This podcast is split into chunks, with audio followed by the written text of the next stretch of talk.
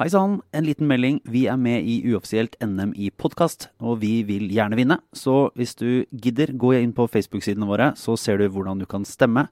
Vi er glad for hver eneste en, for vi skal knuse alle motstand.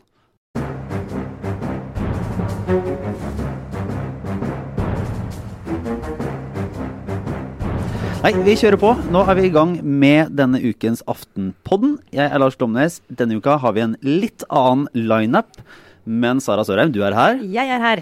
Og så har vi sendt Trine Eilertsen på tur til USA, der hun skal uh, lære ting. Vi følger etter på uh, søndag, Sara. Da skal mm. vi uh, henge rundt der noen dager. Kommer til å lage litt podkast også.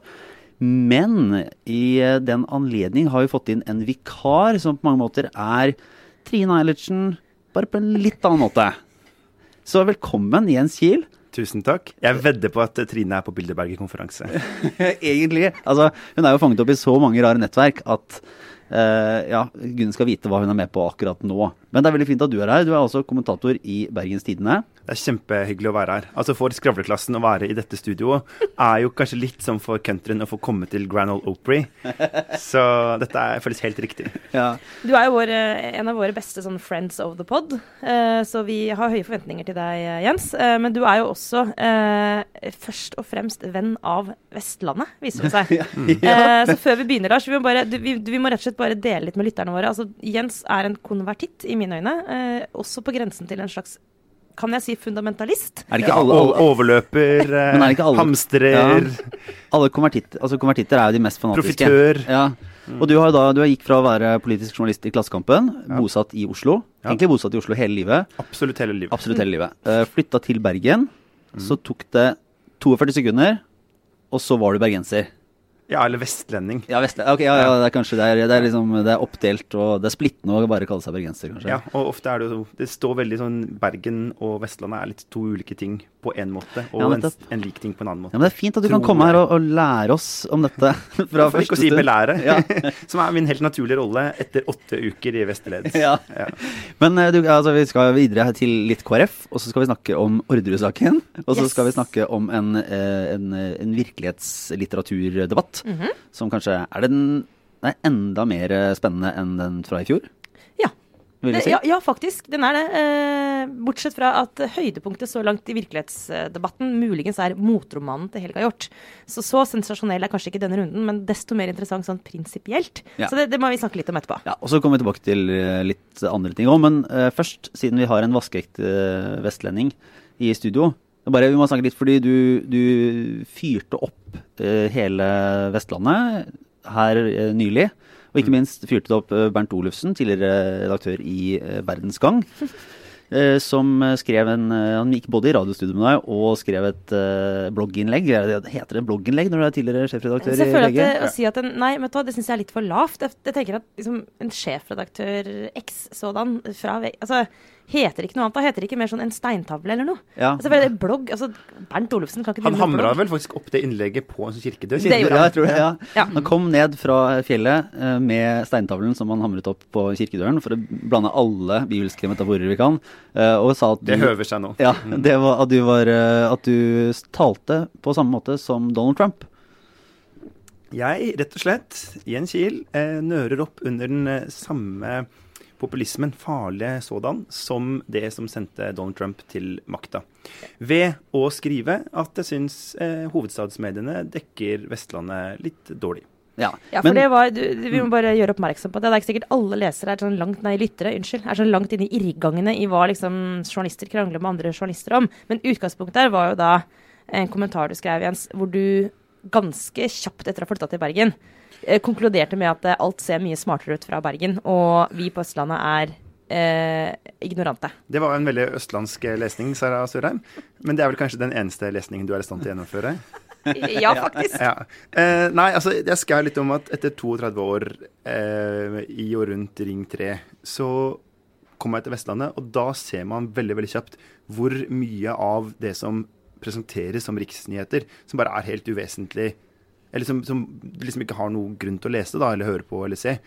Uh, og hvor, hvor, overraskende det var. For jeg har jo hørt det bli sagt av folk fra uh, hvor som helst som ikke er sentrale Oslo i alle år, men tenkt sånn Ja ja, det er vel sånn de mener det, da. Uh, Men nå blei det veldig sant. Altså det egentlig, altså at vi, Når vi sitter her og skriver en sak, så skiller vi ikke mellom det som er lokale saker for oss, og det som og, altså vi, alt, vi tror at alt har nasjonal interesse, hvis det har skjedd i Oslo. Ja, eller motsatt sånn f.eks. VG som har meldt veldig sånn Nå, kolon, snøkaos. Og da har jo jeg lagt om til vinterdekk for en måned siden på Vestlandet. ikke sant? Sånn at eh, det på en måte er en sånn Ting er ikke sant før det har skjedd i Oslo.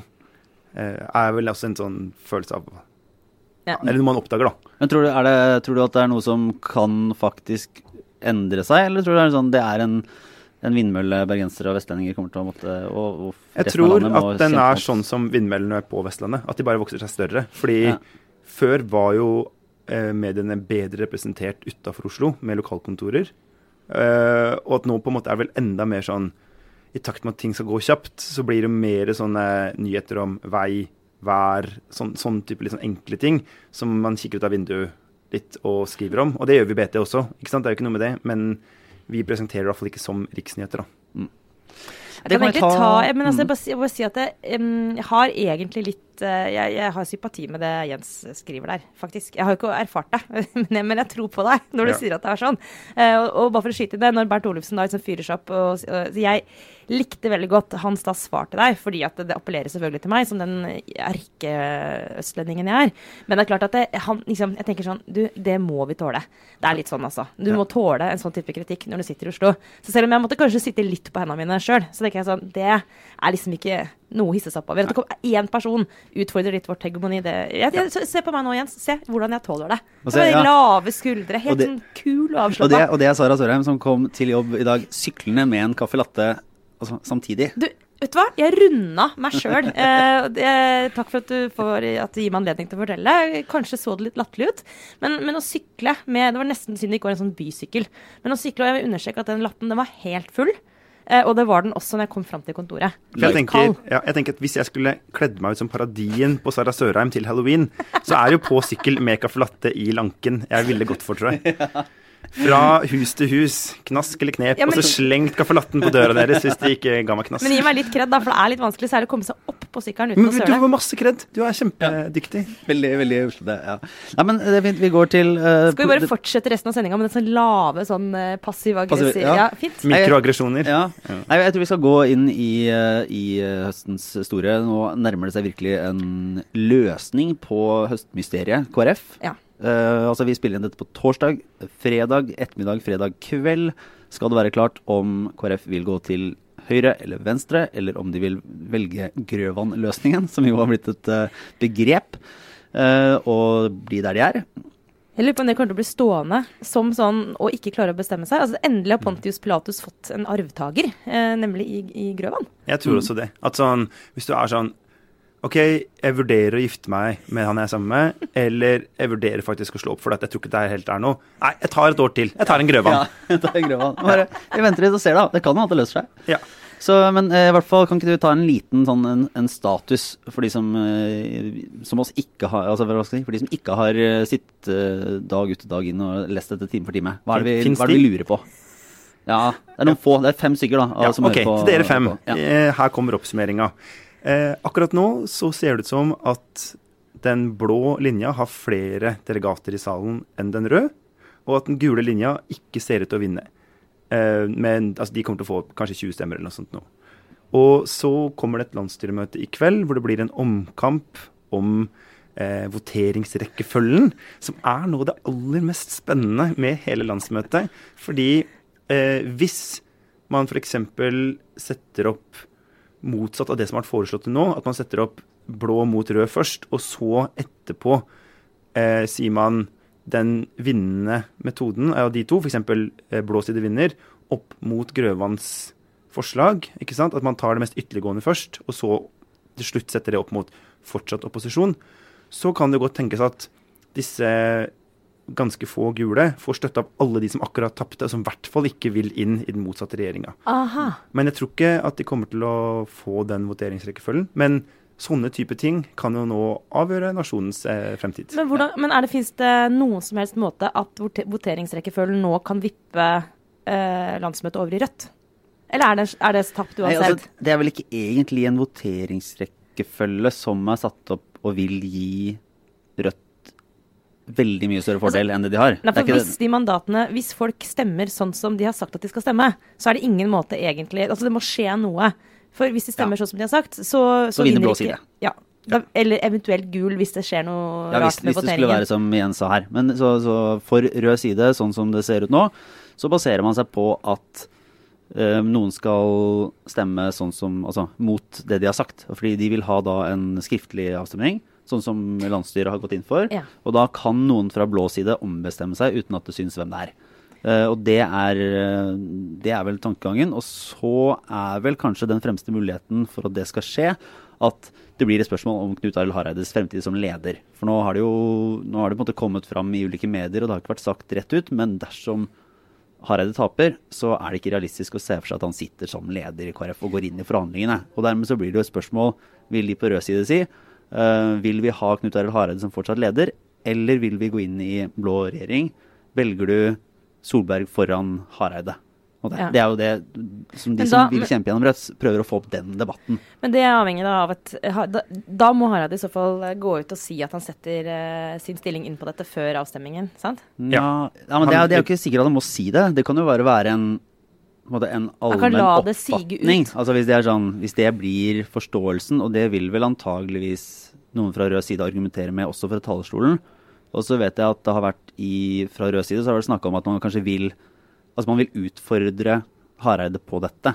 På en måte som gjør det vanskelig for Hareide å fortsette å ikke svare. Altså Hvis de sier sånn Ja, men landsmøtet må vite om vi faktisk stemmer over eh, hvorvidt lederen skal gå av eller Ja. ikke. Så er det sånn Ok, Hareide, her må du si er det realistisk at du fortsetter, eller er det ikke? Og da kan det tenkes at det presses fram en, en slags avklaring som gjør det tydelig at det dreier seg om det mer enn bare sidevalg, da. Mm.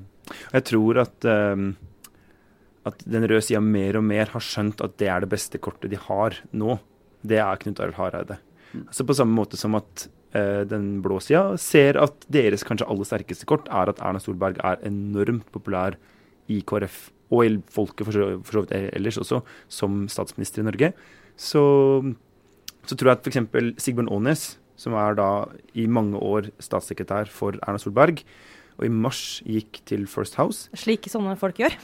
Etter hvert. Sånne folk. Det er oss om tre år du snakker om, Sara, når hele mediebransjen er lagt ned. Det, akkurat den der, den livsløgnen velger jeg å beholde. Så please ikke kom hit som vår gjest og knus den foran øynene mine. Vi definerer oss som eh, ærbare journalister, og alle som går fra politikk eller journalistikk over i PR, de er i våre øyne eh, Ja, hva er egentlig de? De er det samme som deg. altså så noen som forlater sitt eh, inderlige opphav og blir konvertitter hos mørkets fyrster. Men la oss ikke, la oss ikke spore av. Nei, Fortsett. men uh, Ånesen, som jo er en uh, hyggelig kar, han snakka i Dagsnytt 18 i går, altså onsdag, om hvordan eh, Knut Arild Hareide er i ferd med å tvinge KrF inn i et tvangsekteskap med venstresida. Han gikk ganske høyt på banen. Men det var sånn knallhardt. pusha- Ja. Og så møtte han Trygve Svensson fra Agenda, som hadde mye å si den andre veien, da. Men jeg tror at han kanskje undervurderer hvor populær tross alt Hareide er, også på høyresida i KrF. Og at det at det kommer noen fra det som blir oppfatta fremdeles som Team Erna, må vi kunne si, og er såpass hard mot Hareide, det tror jeg kanskje egentlig ikke er det som den sida trenger mest nå. Jeg tror det er typisk sitte stille i båten, som er høyresidas strategi. Men det jeg lurer på fra den uh, uka her, er egentlig det som skjedde Nå blir det, hva blir det? På, var det på mandag eller tirsdag? Det var denne Å, demon. den, ja, for denne demonstrasjonen som jeg syns var et Det var et sånn interessant politisk paradoks for den, altså av, Det var jo måte, det var ikke bare venstresida som arrangerte den demonstrasjonen, da. Men det var jo både, både Arbeiderpartiet og AF var involvert, og også for øvrig var det venstrekvinnene. Men, men poenget, poenget var i hvert fall at man sto der og argumenterte Ja, kan mot du bare si først, for at det, det her må jeg innrømme at jeg falt av. for at det, nå, Jeg elsker sånn kriminologi, men akkurat den setupen rundt den demonstrasjonen, der ble, det ble så komplisert at jeg mista litt tråden. Hva var det de demonstrerte mot eller for? Kan du okay. begynne med det? Ja. Uh, Erna Solberg, det snakket vi vel om for en uke eller to siden, gikk ut og sa at deler av eh, Altså to enkle spørsmål innenfor eller rundt abortloven Ja, var dette med tvillingaborter og sånt. sant, sånn. Ja, og 2C. Ja. Og så, øh, og så var jo Kjell Ingolf Ropstad veldig, han var jo positiv til dette. Det var jo et, det var Så, et så glad som bare sånn som man kan bli over at ja. abortloven skal innskrenkes. Det er jo alltid interessant å se, men la og, og ja. så var det da mange som lot seg provosere av dette, og det er jo en god tradisjon for å demonstrere til forsvar for øh, abortloven i Norge. Så derfor så samlet en uh, gjeng seg, annet da eh, Nå er jeg litt usikker på hva som var liksom, arrangører, hvem som ble, måtte, bare tok litt semioffisielt del i dette, men det var i hvert fall AUF og Arbeiderpartiet var jo med på dette her. Jeg tror det var 35, det var ganske mange organisasjoner og grupper som slo sammen Det, man, det. det vi gjør, vi som er på venstresida og har brukt hele ungdomstida vår der, ikke sant? at noen setter i gang, og så kommer det en sånn lang liste på Facebook med tilslutta organisasjoner. Og da er liksom alle med som arrangører. Men så er det gjerne sånn noen veldig få som gidder å faktisk liksom, eh, rulle inn den scenen og sette opp høyttalerne og alt sånt noe. Men, ja. Men liksom, AUF er like mye arrangør som sikkert Kvinnefronten var, da.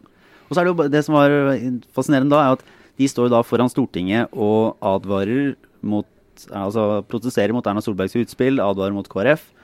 Men samme kveld så står jo KrF-erne rundt på sine fylkesårsmøter og sier ja, men vi kan ikke samarbeide med venstresida. Se, der står jo Arbeiderpartiet og demonstrerer mot vårt syn. Altså De står liksom ute på plenen foran Stortinget og protesterer mot de de skal samarbeide med. Det kan jo ikke være noe for oss. Vi har åpenbart mer til felles med høyresida.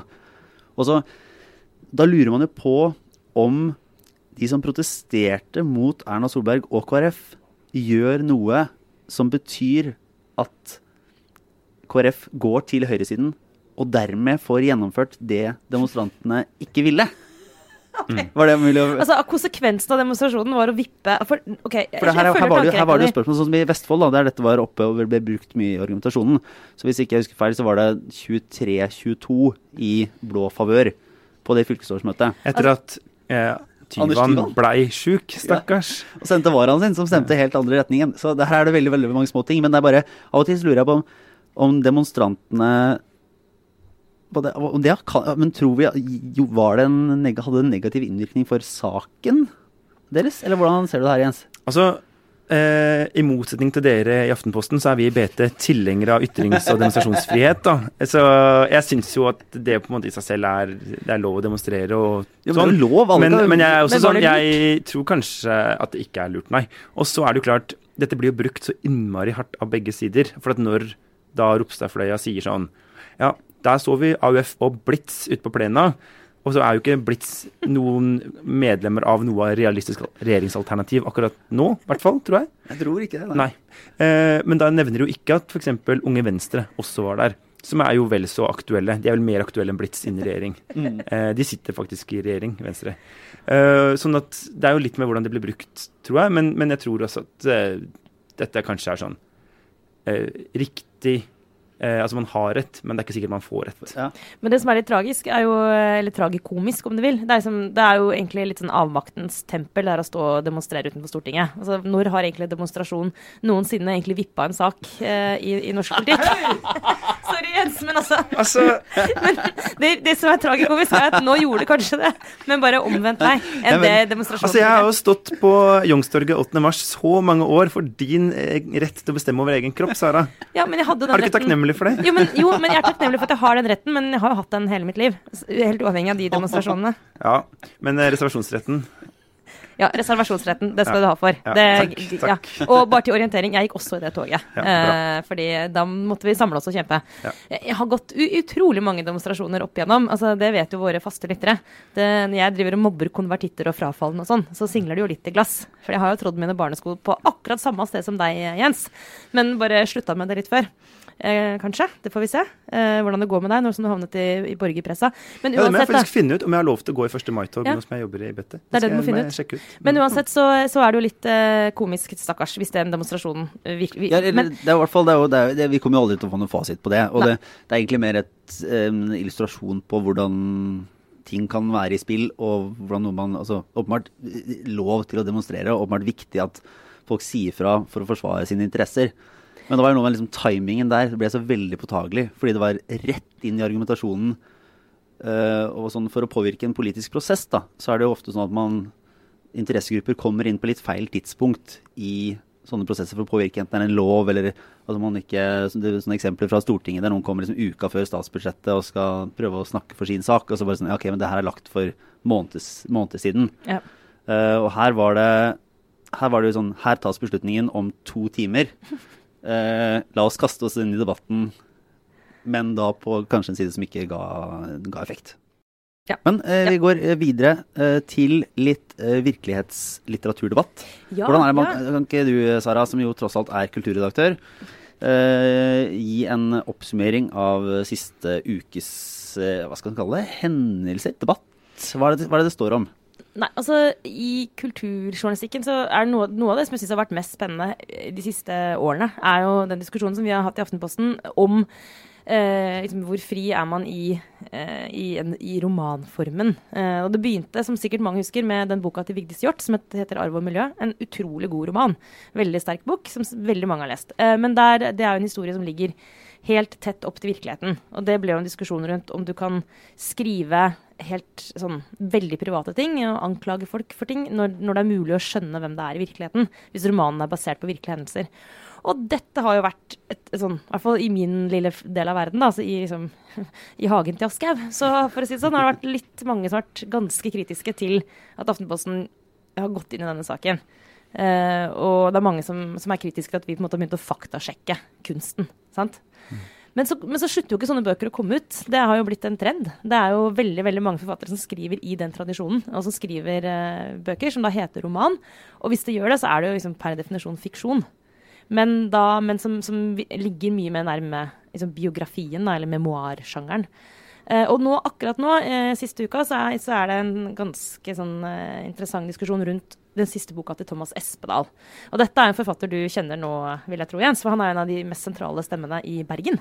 Ja, han er jo på en måte en av, av kongene av eh, bergenslitteraturen. Absolutt. Ja, og også en av de mest liksom, altså en av de største nålevende norske forfatterne. Og prisvinnende og anerkjent og det hele. Kjent for å skrive, selv, om ikke selvbiografisk, så liksom bruke av sitt eget liv, er det ikke det? Altså, Jo, jo. Han har skrevet, vært i denne sjangeren, i skjæringspunktene her, ganske mange ganger før. Altså, Han tilhører jo, og nå er jeg sikkert litt kjip, for det fins sikkert damer som er sånn også, men det er en egen kategori eh, mannlige forfattere som eh, skriver sitt liv igjen og igjen og igjen og igjen. For at når Og du sier eh, Vigdis Hjorth, så kunne man jo ha en Knausgård. Det er mulig kanskje å dra det navnet inn? Ja, ja. Eller hvis jeg bare skulle ha tatt noe helt, helt ja, ja, ja, enda, enda større, men ja. Okay. Nei, men altså, men det, er, det, er, det, er, jo en selvmytologiserende sjanger. Det må være lov å si. Altså, Fint ord. Fint ord, ja. Ja. Det er langt og godt ord. Ja, ja. Men det er jo en idé om at det du opplever selv, er det mest interessante som fins. Og ja, og Knausgård er jo selve liksom kongen av denne sjangeren. da. Men Thomas Espedal er ikke helt borte, han heller. Han skriver ikke så tjukke bøker, da, men han skriver om sitt eget liv. Og han skriver jo veldig godt, altså. Så jeg skal ikke ta fra han det. Men for å komme til poenget. Denne siste boka, som handler om en mann som heter Jeg, faktisk. Eh, og som eh, går med selvmordstanker. Det er liksom den røde tråden i boka. Eh, og, og går rundt i verden og tenker på at han skal avslutte livet sitt. Så det er litt mørk tematikk. Men midt i den boka er det en syv-åtte sider som handler om noe helt annet, egentlig. Som handler om at hovedpersonen blir anmeldt for voldtekt. Og det er historien om hvordan det oppleves for han å bli det han skriver, falskt anmeldt, eller det som han, det står i boka, falskt anmeldt for å ha begått en voldtekt mot en kvinne som han skildrer i ganske sånn detalj eh, hvordan er, særlig hennes psykiske helse. Eh, og det er, ja, som sagt, syv-åtte sider i en bok. Eh, en, en, sterk fortelling. Ja, en, en, eh, en voldtekt som da skal ha skjedd noen år tilbake. Og så viser det seg da for at eh, en kilde, en levende kvinne, eh, har eh, kommet frem nå og hevder at hun er eh, den levende modellen eh, i denne historien. eh, og eh, at hun opplever seg liksom, utlevert av Thomas Espedal, og at denne beskrivelsen i den romanen ligger altfor tett på, eller ligger faktisk helt tett på, hendelser i virkeligheten. Bortsett fra at de to er uenige når det kommer til skyldspørsmålet. Og Aftenposten kunne jo da erfare denne uken at denne voldtektsanmeldelsen den foreligger i virkeligheten. Eh, så da er spørsmålet eh, Er det greit å gjenfortelle en sånn historie i en roman, men hvor eh, levende mennesker kjenner seg igjen. Og hvor man også er så tydelig på å beskrive liksom, et annet menneskets eh, psykiske helse. Og eh, hovedpoenget her, å hevde at noen har levert en falsk anmeldelse. Sant? Kjernen her er jo at levende mennesker kjenner seg igjen, og hva skjer, hva skjer da? Har du lest den, eh, Jens? Nei, dessverre ikke. Men jeg har lest alt om den. Ja. Så nå må jeg vel snart bare gripe til selve verket her. Nei, for jeg tenker jo at En av grunnene til at dette kommer opp igjen og igjen, er jo at hvert tilfelle er nytt. da. Ikke sant? At sånn som her, så er det jo helt tydelig skrevet, det sier han jo selv, at han, at han har skrevet det for å forsvare seg mot ryktene som gikk. Og det har jo f.eks. ikke Knausgård eller Hjort gjort. Eh, lei for den. Og at han skaffer seg jo en talerstol i eh, romans form, eh, som denne kvinnen ikke har på samme måte. Kan ikke bare ta til motmæle eller be om samtidig møtegåelse lenger ned på samme ark eller et eller annet sånt noe. Så det gjør det jo veldig, veldig krevende. Hva gjør vi med det? Og så tenker jeg at, at noe av det interessante her er jo at der kanskje media har lært en del, og litteraturkretsen har lært en del, så virker det for meg som om forlagene har lært veldig lite. Ja. At eh, her blir det sagt fra forlaget at dette er opp til forfatterne å gjøre vurderinger om disse etiske problemstillingene her. Og det er jo selvfølgelig sånn at en forfatter må jo selv være ansvarlig for sitt verk, men den herre Nei, jeg reiste til Iran og gjorde selv mine egne sikkerhetsvurderinger. Den stilen er, har jeg kanskje liksom dårlig sansen for, da. Fordi dette er jo Selv om det er kunst, så er det jo ekte mennesker der ute som får det kjipt som en konsekvens av det. Og skal de alltid bare måtte godta at de skal ha et kjipt liv pga. kunsten? Eller må, de, må de skrive, en, uh, skrive et svar i romansform for å som, komme til motmæle? Det, en- det Ja. blir jo en vanskelig, en vanskelig trapp å gå da, hvis en alltid skal, skal fortsette. Men er, men er det er vi liksom nærmere en konklusjon på om, på om dette er greit eller ikke, eller hvordan man løser det? For det ser jo ikke ut som at, som at det egentlig løses Nei, men- opp, eller at, at folk tar noen skritt tilbake på dette. Det, det fortsetter jo. Ja, men det som er sant, det som blir liksom avveiningen her, og det merker jeg at det er veldig eh, for, eh, Blant eh, forleggere og i bokbransjen og blant forfattere, så er det en veldig sånn, sterk tro på at eh, romanen og kunsten da, liksom, må få være fri. Og det å komme drassende med en Vær varsom-plakat eller noen sånne regler, liksom, lover om hva som er lov og ikke lov i, i kunsten, at det legger liksom bånd på det. Og det er en sånn eh, liksom estetisk basert eh, etikk, på en måte. Estetikk-etikk. altså at eh, kvaliteten på kunsten og ytringen er det som trumfer alt. Og da, da blir det ofte litt sånn at hvis boka er god kunstnerisk sett, så er det lov å skrive hva som helst. Hvis den er dårlig, sånn som denne bloggeren som kom tidligere i høst, sant? som mm. utleverte en eks, eh, Anne Jord Det var ingen som gadd å reise seg og forsvare den boka, for den var, liksom, ikke sant? den var ikke høykvalitetslitteratur. Men effekten er jo akkurat det samme. Det er egentlig samme om det blir utlevert i godt eller dårlig språk. Eh, og det er her, ja, det er her jeg vil utfordre forlagene litt på at, liksom, at, at, den, at det estetiske, da, kvaliteten på innholdet, alltid skal få lov til å være viktigere enn alt annet. Jeg syns egentlig ikke det holder som argumentasjon. Så er det kanskje også en forskjell til hun herre Hva heter hun? Jørgensen? Ja. Anniken Jørgensen. Jeg har ikke noe forhold til at hun har et bloggnavn. Eh, eh, at hun først har utlevert han fyren foran sikkert 300 000 eh, lesere på nettet. Og så kommer det Og det er det ingen av oss som bryr oss om, for at vi leser ikke Annie Jord. Ja, eller Ja. noen av oss gjør kanskje det, men ja. Eh, men så idet det kommer en bok med liksom 1700 i første opplag, eller eh, 10 000 sikkert fordi det er en blogger, da, men da blir det plutselig en viktig sak, for da finnes det mellom tjukke, harde permer osv. Og, så Ja. og det er jo også litt sånn ja, Hvis vi skal ekte bry oss om det, så må vi vel bry oss om det på nettet òg. Men jeg tror også bare at hvis man skal si sånn, ja, ok, hvor skal vi med denne debatten, så, så tenker jeg at eh, en ting er forfatterne. Jeg er mer opptatt av det du var inne på, Jens, som er rollen til liksom Ja, Jens jubler her nå. Anerkjennelse mm, fra Oslo-Gryta. Ja, ja, ja. Hovedstadspressen. Nei, men det er jo det med rollen som publisist. Eh, og det, og, det er, mener jeg at der syns jeg forlagene gjør det utrolig lett for seg selv. Når de bare er liksom på den jeg redegjorde for i stad, når kunsten er fri, og forfatterne får si fra hvis det er noe, liksom. Eh, for jeg tenker at det å utgi noe, det er et eget ansvar. Og det er ikke sånn at det hadde ikke vært umulig å endre bitte litt på den teksten, eh, uten at det i mine øyne da, går utover dets kunstneriske verdi, for å liksom beskytte denne kvinnen, som jo absolutt ikke har bedt om å få være med i en bok. Men jeg, bare, jeg kom på her, fordi vi har jo i våre veldig nøye lagte planer for eh, denne uken, så har vi helt egentlig glemt å snakke om ukas store bokutgivelse. Eh, Per Sandberg Ja, og Bahareh Letnes uh, tur til Iran. Ja. Men, altså, dette var veldig interessant, for at det, eh, art imitates life og omvendt. For at nå snakker vi om en roman som handler om livet se selv. Men, det, men, når det gjelder akkurat Sandberg og Bahare, så er det livet selv som er så det, Du skulle tro det var fiksjon. Men er det noe i denne boken av substans som vi må forholde oss til, eller som våre kjære lyttere må få med seg? Eller er, det tillatt de gjør som meg og bare lukke øynene? Det, kan jeg please komme med en sånn kort uh, vurdering? det du ikke kan gå glipp av, uh, er egentlig en liten video som Bahare Letnes la ut på Instagram. Den har jeg ikke gått glipp av. Der Per Sandberg står og grer håret hennes.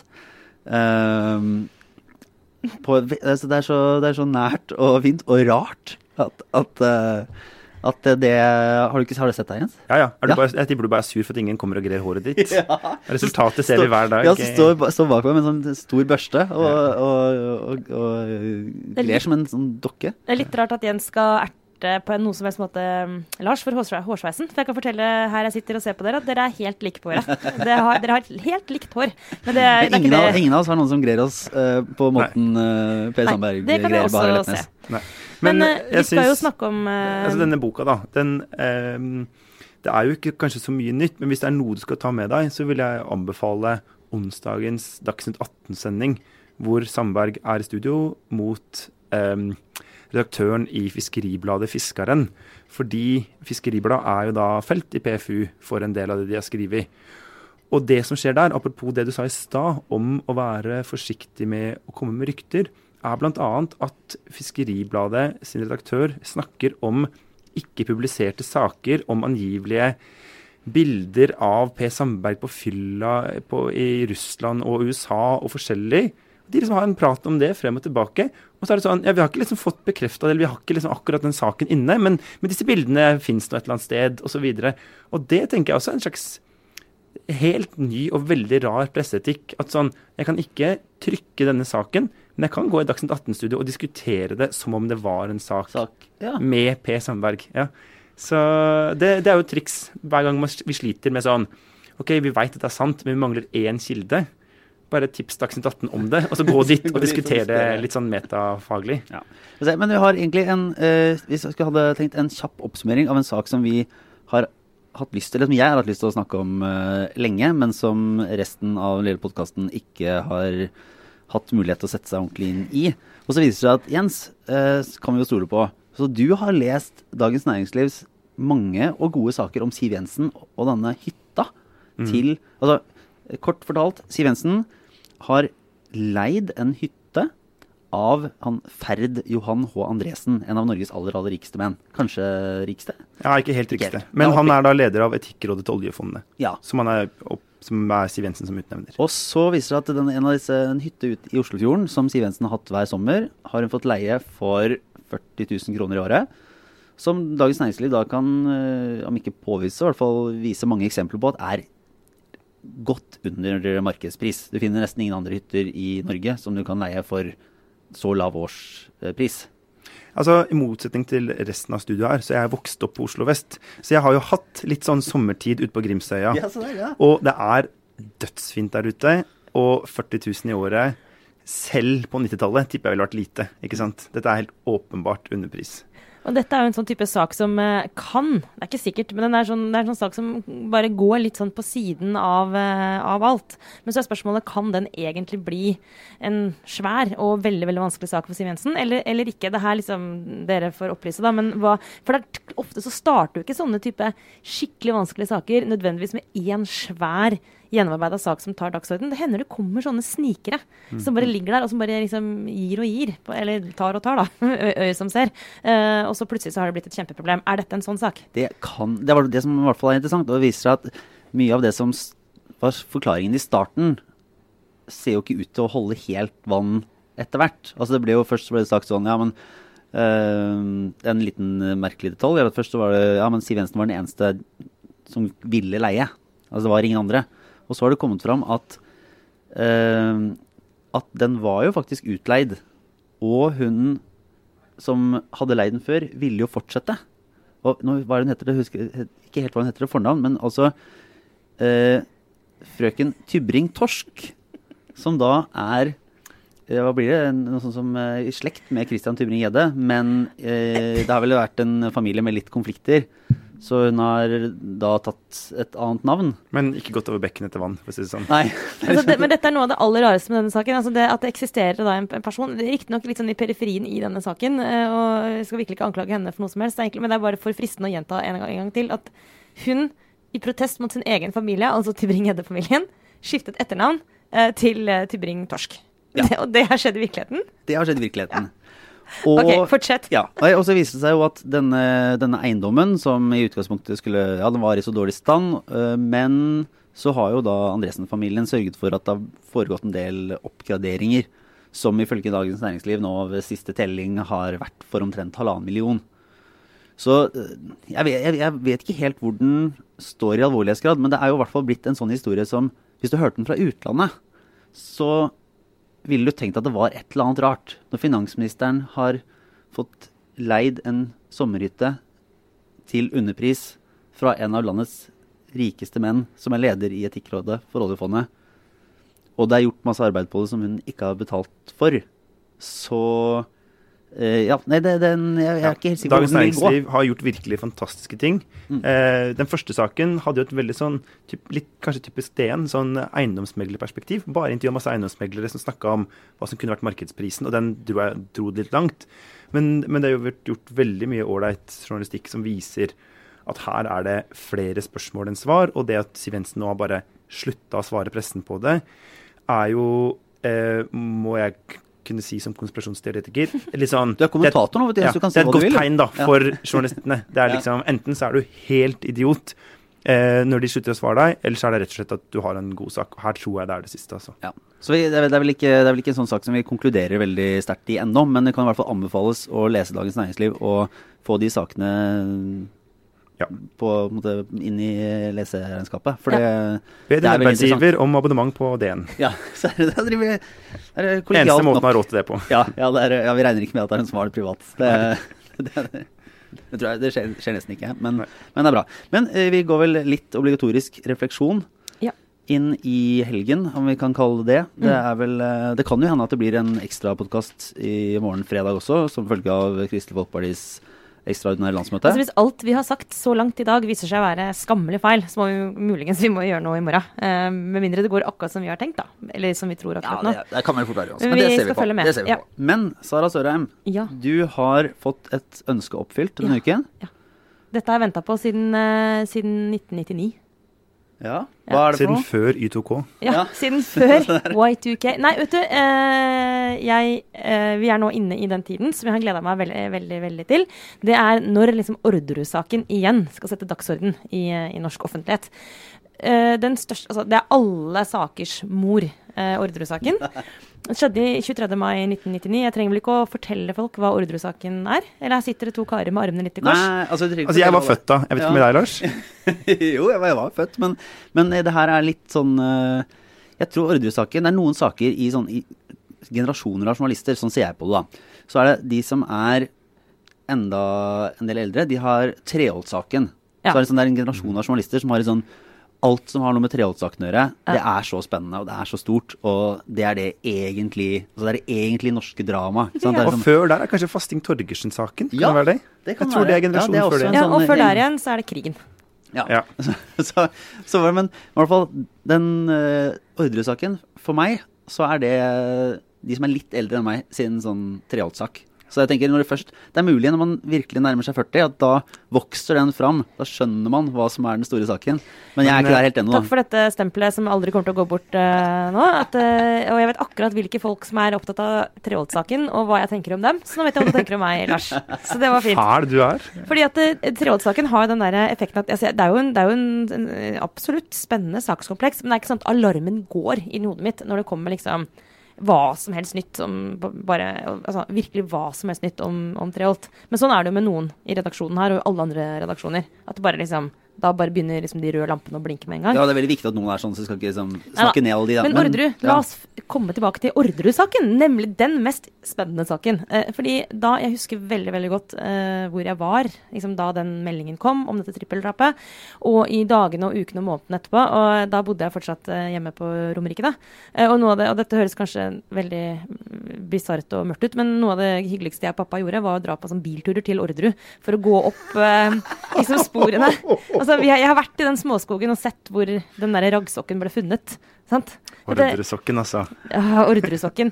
Eh, og jeg husker godt når jeg begynte i Dagbladet og eh, satt på desken der en kveldsvakt. Eh, ganske mange år. Altså jeg hadde jobba der noen år også, som har vært kanskje fem år eller et eller annet etter Orderud-saken. Så hørte vi på politiradioen. Det så høres ut som det er i steinalderen, men vi gjorde jo det da. Hadde på politiradioen. Og så kom det en melding hvor noen sa Orderud. Og da bare, da bare, Jeg bare spratt opp fra burten og bare løp ut i lokalet og bare Jeg hørte noe om Orderud. Og da sto det kanskje 15 karer rundt meg på, på under to sekunder. Folk jeg ikke hadde sett, ikke visste jobba i Dagbladet engang. Og nyhets, nåværende nyhetsredaktør Frode Hansen, som var helt sånn hva, hva, hva, hva, hva, hva sa de? Og så var det dessverre bare en helt altså en tilfeldig random person som het Orderud. Så det var ikke noe på Orderud gård. Men det- du har fortsatt den tenninga? når det Jeg har fortsatt den eh, tenninga. Ja. Og nå, øh, eh, er grunnen til at jeg snakker om det nå, eh, jeg kan jo snakke om Orderud-saken når som helst, men det er jo fordi at nå har det kommet denne eh, dokumentar, eller denne egentlig true crime-serien som har hatt premiere på NRK, med VGs eh, Øystein Millie, som, eh, Øystein, ja, Ja. som snakker om, eh, som går opp igjen hele Orderud-saken. Eh, og prøver liksom å vri og vende på alt, og få tilgang til eh, alt bevismateriale, etterforskningsmateriale, og gå gjennom saken på nytt. Eh, og det er jo rett og slett for det første en ekstremt spennende historie å følge med på. Men det er det håpet, da. Dette håpet som vi går og bærer på, at denne saken skal bli oppklart. Ja, Men- som vi sier eh, i mitt dekningsområde, det er den draumen vi bærer på. Men, men, Selv men, jeg eh, kan min hauge, faktisk. men, Det er- altså, er, det, er, ikke litt sånn, er, er den ikke oppklart? Nei, den er ikke det. Vi veit alle som medvirka, men vi veit ikke hvem som gjorde det. Dette er det ultimate eh, mysteriumet. Det lukkede Men, men, roms men, men, mysterium. bare sånn, bare gi- gi meg helt altså, konkret. Hva er mysteriet? Er det hvem av dem som skjøt, eller er det, er det en annen person? Det kan eller er det også helt være en sånn- annen. Ja, altså Ja. Det som er Poenget her er at det, er fire stykker som er dømt uh, for dette grusomme trippeldrapet. Men de er alle dømt for medvirkning. Mm. Det er ingen som er dømt for å ha utført drapet. Og som dere jo vet, som man jo vet, det er at medvirkning til drap og drap har like streng uh, strafferamme. Eh, sånn at eh, altså, Hva er det det heter på fagspråk? Altså bevisst medvirkning til drap. Altså, Mm. eh, hva heter det på fagspråket? Du kan bli eh, Er det forsettlig, kanskje? Eller Forsettlig! Er det, forsettlig, ja. ja. Men, men uansett, sånn at straffen er jo like lang. Men det er faktisk ikke sånn at noen har klart å Nei. bevise hvem det er som sto inne i kårboligen og skøyt. Og så, og så er det jo et eller annet med, i hvert fall sånn jeg leste om henne nå, Orderud-saken er jo en fortelling om framveksten av det moderne Norge. Ikke sant? Når de finner denne trerota med det de håper kanskje skal være en sånn eh, splint av en kule inni, så er det sånn Nei, politiet har ennå ikke noe sånn noe utstyr for å få skanna dette her. Men så kommer de på Hæ, vi har jo åpna ny eh, hovedflyplass oppe på Gardermoen, og der har de fått sånne moderne bagasjeskannere. Så da tar de med seg rota opp der, og da får de skanna og finner at det er et, eh, en splint inni der, da. Og eh, for eksempel at eh, selve rettssaken Det var jo ikke noe mulighet på Lillestrøm for det, så den flytta inn på Åråsen. Eh, for å fylle altså ikke selve stadion, da, men liksom konferanseavdelinga på Åråsen oppe hos Kanarifansen der, for at de skulle ha et sted på Lillestrøm som var svært nok. Så det var liksom sånn Det er en fortelling om et helt annet Norge, men som gradvis vokser fram og på en måte blir mer moderne, da. Jeg syns det er superinteressant. Og så er det jo også en, en sak som har Vi skal ikke gå inn i detaljene nå, kan jeg bare anbefale å følge med på den serien. Ja, er, den, er den god? Ja, ja, altså det, Du kan ikke lage den dårlig, vet du. Nei. For det, den er veldig basic. Det er ikke noe spesielt eh, Det er ikke noe interessante fortellergrep eller noe Det er ikke liksom noe sånt. Det er bare det som de aller beste sak sakene krever, er jo bare en ryddig journalist som går gjennom saken detalj for detalj. Og Altså, det du er overbevist om at jeg, da, som har fulgt dette på ganske god distanse, og tenkt at ja, ok. Jeg har vært litt sånn eh, Det der kjendiseriet rundt de dømte har vært litt usmakelig. Ja, det er jeg enig med deg. Uh, og dermed så har jeg kanskje bare latt den, latt den være. Men jeg tenker at hvis jeg begynner å følge det, så vil jeg på en måte spise av, av eh, de fascinerende faktaene. Jo, men Ja. den, den saken har alt for det. Du har Og motivet er jo også uklart. Det ble spekulert i, og var jo selvfølgelig også eh, Aktor la frem som påstand at det var denne, denne tvisten rundt arven av gården som skal ha vært motivet da, eh, for at, eh, at sønnen, altså eh, Per Orderud, skal ha liksom, drept sine foreldre og sin søster. eh, det er fint, det er kjipt å ikke arve gården, liksom, men det er jo litt Ja, det- det så kraftig reaksjon, da. Men, eh, men det, man vet jo ikke, det er jo ikke endelig bevist at det, at det var han som gjorde det, eh, faktisk. eh, Og at det var motivet. Men du har liksom det helt lokale, du har det helt familiære og nære. Og så har du sånne vanvittige eh, politiske overtoner her. Fordi eh, jobben til drepte Anne Paus var i UD, og hennes, eh, hennes ektemann, som døde rett før henne av sykdom, da. Og henne var involvert i liksom, eh, store internasjonale fredsforhandlinger og osv. Jeg skal ikke gå i detaljene her. Men, men det fins jo teorier også om at liksom, altså, Mossad-teoriene lever i beste velgående. Sant? Så du har hele Denne saken rommer alt man kan tenke seg, av liksom fra det nære til det kjempestore. Nå må du lese mindre Steigan og mer Aftenposten, ass. Må jeg slutte å lese bloggen til Steigan? Ja, bare, Ok, eh, nå- altså Hvis du absolutt må lese blogg, da heller Fotballfruen Steigan. Ok, greit. Ja. Ja. Nei, men uh, da går vi videre til deg, Jens Kiel. Hva, har du, hva er det du går og, og grunne på? Altså Det jeg først og fremst går og grunne på, er jo hvilket regntøy som holder i Bergen. Men eh, Det kan Trine Eilertsen hjelpe deg med. ja, det hadde kanskje vært eh, lurt å spørre henne om. Ja. Nei, eh, jeg har litt den der eh, følelsen som Tone Sofie Aglen i Adresseavisa snakka om her om dagen, at vi henger akkurat én uke på etterskudd med alle disse bøkene som kommer denne høsten. Men nå driver jeg og leser uh, Sylvi Listhaug da, sin bok. Hun, for hun kommer til BT, jeg skal intervjue henne på tirsdag. På sånn ja, du har sånn frokostmøte. Det gleder jeg meg ikke? Alle i Bergen må jo få kommet seg på det. Ja. Og så eh, og leser den, og den er jo superinteressant på mange måter. Men en av de tingene som jeg syns er mest sånn lærerikt, også kanskje for oss i pressa, det er måten hun skriver om, om hetsen og trakasseringa og alt hatet på mot henne, da. Fordi der eh, veldig ofte når vi skriver om hat, kanskje særlig mot kvinnelige politikere, så kan vi trekke fram en Hadia Tajik, en Lan Marie Berg, samferdselsbyråden i Oslo, osv. Men vi trekker liksom aldri fram eller vi kan trekke fram Eskil Pedersen, men vi trekker aldri fram en som Sylvi Listhaug, som jo vi veit har mottatt utrolig mye dritt og har levd med dødstrusler og alt mulig. Eh, og hvorfor gjør vi ikke det? Og jeg skrev til forrige uke om kvinnelige lokalpolitikere som blir hetsa ut av politikken, og hva slags nederlag det er for demokratiet. Eh, og det var bl.a. en som heter Kristin Maurstad oppe i Vågsøy i Nordfjord. Og hun har på en måte gjennomført en veldig upopulær kommunesammenslåing, og hun gikk til valg på å ikke legge ned en skole, som hun etterpå la ned. Og hun har gjort på en måte sånne litt heftige ting. Men da, da er vi flinke på liksom, det må vi legge til side, og nå må vi snakke om hetsen. Men hvorfor gjør vi ikke det med Sylvi Listhaug? For det er jo egentlig akkurat et like stort tap for demokratiet hvis en Frp-politiker blir hetsa ut av politikken som hvis en arbeiderpartist eller MDG-er blir det.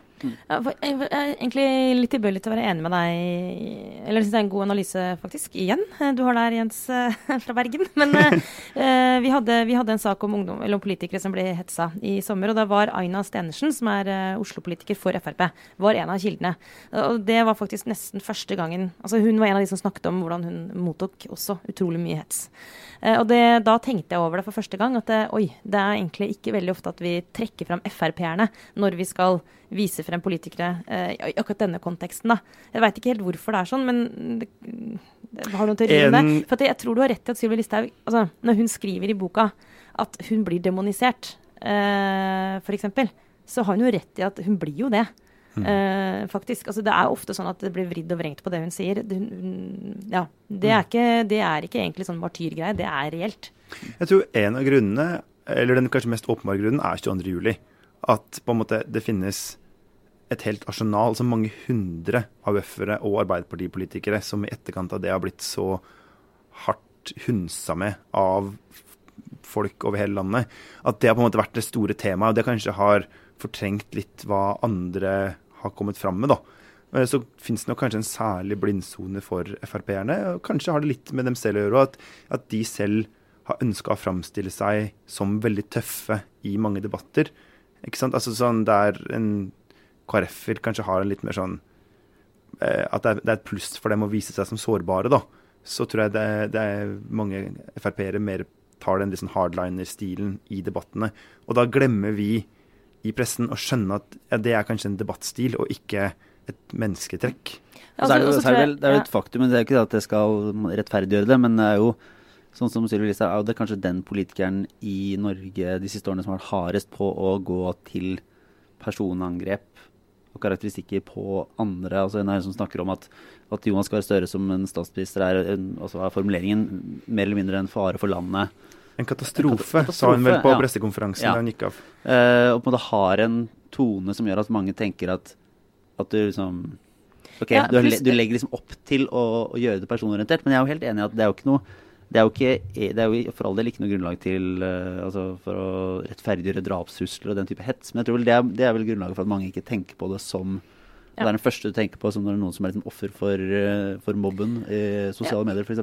Ja, og så får hun jo, Det er lett å også glemme fordi at hun er en av de som, mange av de som hetser i kommentarfeltet, som hetser andre, de liksom heier på henne. Eh, Så man tenker liksom fort at hun ikke får noe dritt fordi eh, mye av dritten kommer fra eh, liksom hennes retning. Og så blander man litt at det, det er lett å ikke altså, Klarer ikke helt å skille mellom det som tross alt er politikk, eh, og som er meninger som man må tåle at folk har, og det som er hets. Og hun, jo, hun er jo hard i klypa, har en sleip retorikk, Sylvi Listhaug som politiker. Det, det mener jeg. Altså, sånn, sånn retorikk som er vanskelig å, å angripe fordi den er utspekulert, og også ofte personangrep osv. Men det er jo veldig forskjell på det og det å drive med hets, og det kan man jo ikke, kan man ikke anklage henne for heller. Så jeg, skal egentlig bare Aller først, før jeg skal ha en kjapp eh, obligatorisk refleksjon, skal vi trekke en vinner av to billetter til liveshowet på Chat Neuf. Fordi har, eh, det har kommet inn eh, innspill på Facebook-siden vår. Der kan du fortsatt komme inn og kommentere både det vi sier her og det vi skal snakke om på, på liveshowet 28.11., som er helt, helt fullt. Men Sara Sørheim, nå kan du trekke denne lappehaugen med navn. Dette er gøy. Det er som å være på tombola. Ja. Skal trekke én eller to Du lapper? skal trekke én lapp. En, her står det en, her har mange lapper med navn på i hånda til Ja. Lars. Nå trekker jeg en hvit lapp. Ja. Okay, Skal jeg lese opp det som står her? ja. Jan Erik Kleiv. Se det. Gratulerer. Hey! Jan Erik Kleiv, du får to billetter til Nå er det konfetti Eh, i rommet her. ja. Fyrverkeri. Sinsen eh, Janitsjar kommer spaserende inn. Det er helt spille We Are The. Champions på, på boomblasteren. Nei, eh, ja, men det er fint. Da sender vi en melding på Facebook til Til- ham. Til Jan Erik Kleiv. Nettopp. Ja, men så fint. Nei, jeg skal bare si eh, på tampen her at eh, jeg har vært i noen år en halloween-skeptiker. Og har tenkt at dette er noe amerikansk eh, sånn salgsbonanza.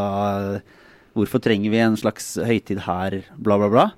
Eh, og nå er jeg eh, omvendt. Nå tenker jeg at eh, herlighet, det er, jo, det er jo veldig moro. Og så så jeg en sak i Bergens Tidende. Eh, Shoutout. Ja, leverer godt. Vi henta den inn til eh, Aftenposten også og brukte den der, for vi har jo et samarbeid. Med en niåring som eh, hadde fått seg en, et kostyme som var helt fantastisk. Eh, det er jo gjort ute i verden, da. Men eh, han har altså kledd seg ut som en lastebil. Og egentlig som Optimus Prime i Transformers.